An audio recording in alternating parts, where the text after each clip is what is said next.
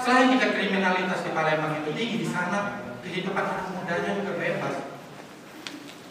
Di sana, kalau ada pasangan yang gak hamil di luar nikah, aneh. Dikucilkan dari masyarakat, dijauhi dari pergaulan, dan bahkan jadi bahan gibah. Di sini gibahan ibu-ibu masih standar. Lihat itu si sekian udah lulus sekolah.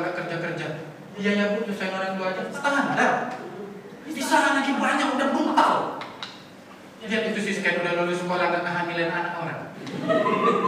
Iya ya bu, jangan-jangan dia mandul. Mandul!